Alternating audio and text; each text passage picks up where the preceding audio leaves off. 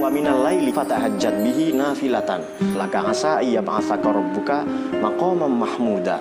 Kalau kita ingin punya kedudukan derajat yang tinggi di mata Tuhan maupun di mata masyarakat, manusia, maka tahajud kita. Eh, fatahajjat bihi nafilatan asa iya ba'athaka rabbuka maqamam mahmuda. Kenapa? Karena yang lain pada tidur. Prinsip tahajud ini apa sih? Kalau punya nilai lebih, ketika orang-orang tidur kita kerja. Ketika orang-orang beristirahat kita kerja. Ketika orang-orang bersantai berleha-leha kita bekerja. Maksudnya itu.